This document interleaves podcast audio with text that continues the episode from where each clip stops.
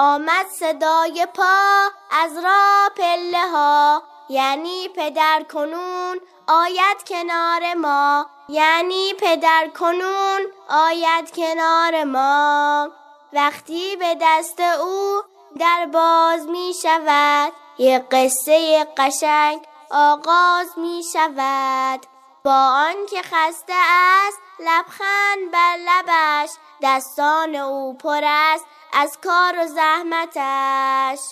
از خنده های او خوشحال می شوم تا اوج آسمان بیبال می روم در چشم من پدر خورشید خانه است. چشمان او پر از مهر و ترانه است.